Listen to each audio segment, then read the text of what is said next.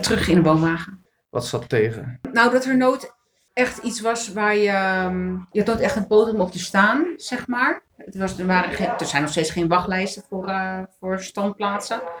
En eh, er komt heel weinig vrij. En eh, sinds 2014 is het een, eh, een erkende cultuur. Dus eigenlijk sinds die tijd, sinds een korte tijd, is het dat je, dat je ook echt aanspraak op iets kan maken. En dat was vroeger niet.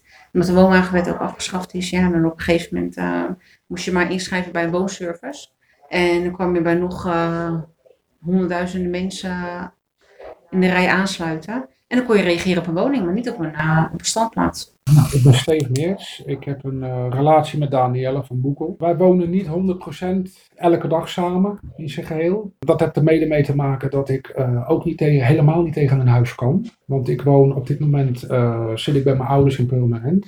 En ik pendel heel vaak op en neer tussen Haarlem en Purmerend. Dan zit ik in het huis van Danielle en dan zit ik daar een uur en dan ga ik al rondjes lopen draaien. En dan weet zij al hoe laat het is.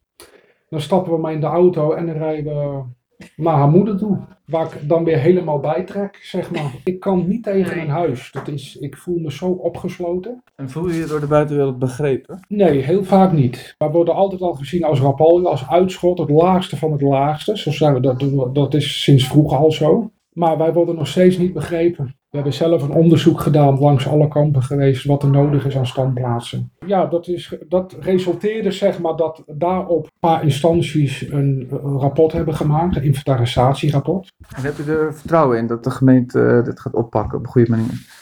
Nou, het gesprek wat wij met de wethouder hebben gehad, dat vonden wij wel heel prettig. Ja, en zij begreep ons ook wel. Ja, het is eerst zien dan Ja. geloven. Ja. Want als er heel veel vragen zijn naar standplaatsen, moeten ze daar gehoor aan geven. Een klein plekje voor ons. Nee, maar dan denk je 10.000 huizen. Wij willen misschien 60, 70 plaatsen in totaal. Wat is nou, dus wat is nou 70 plekken tegenover 10.000 huizen?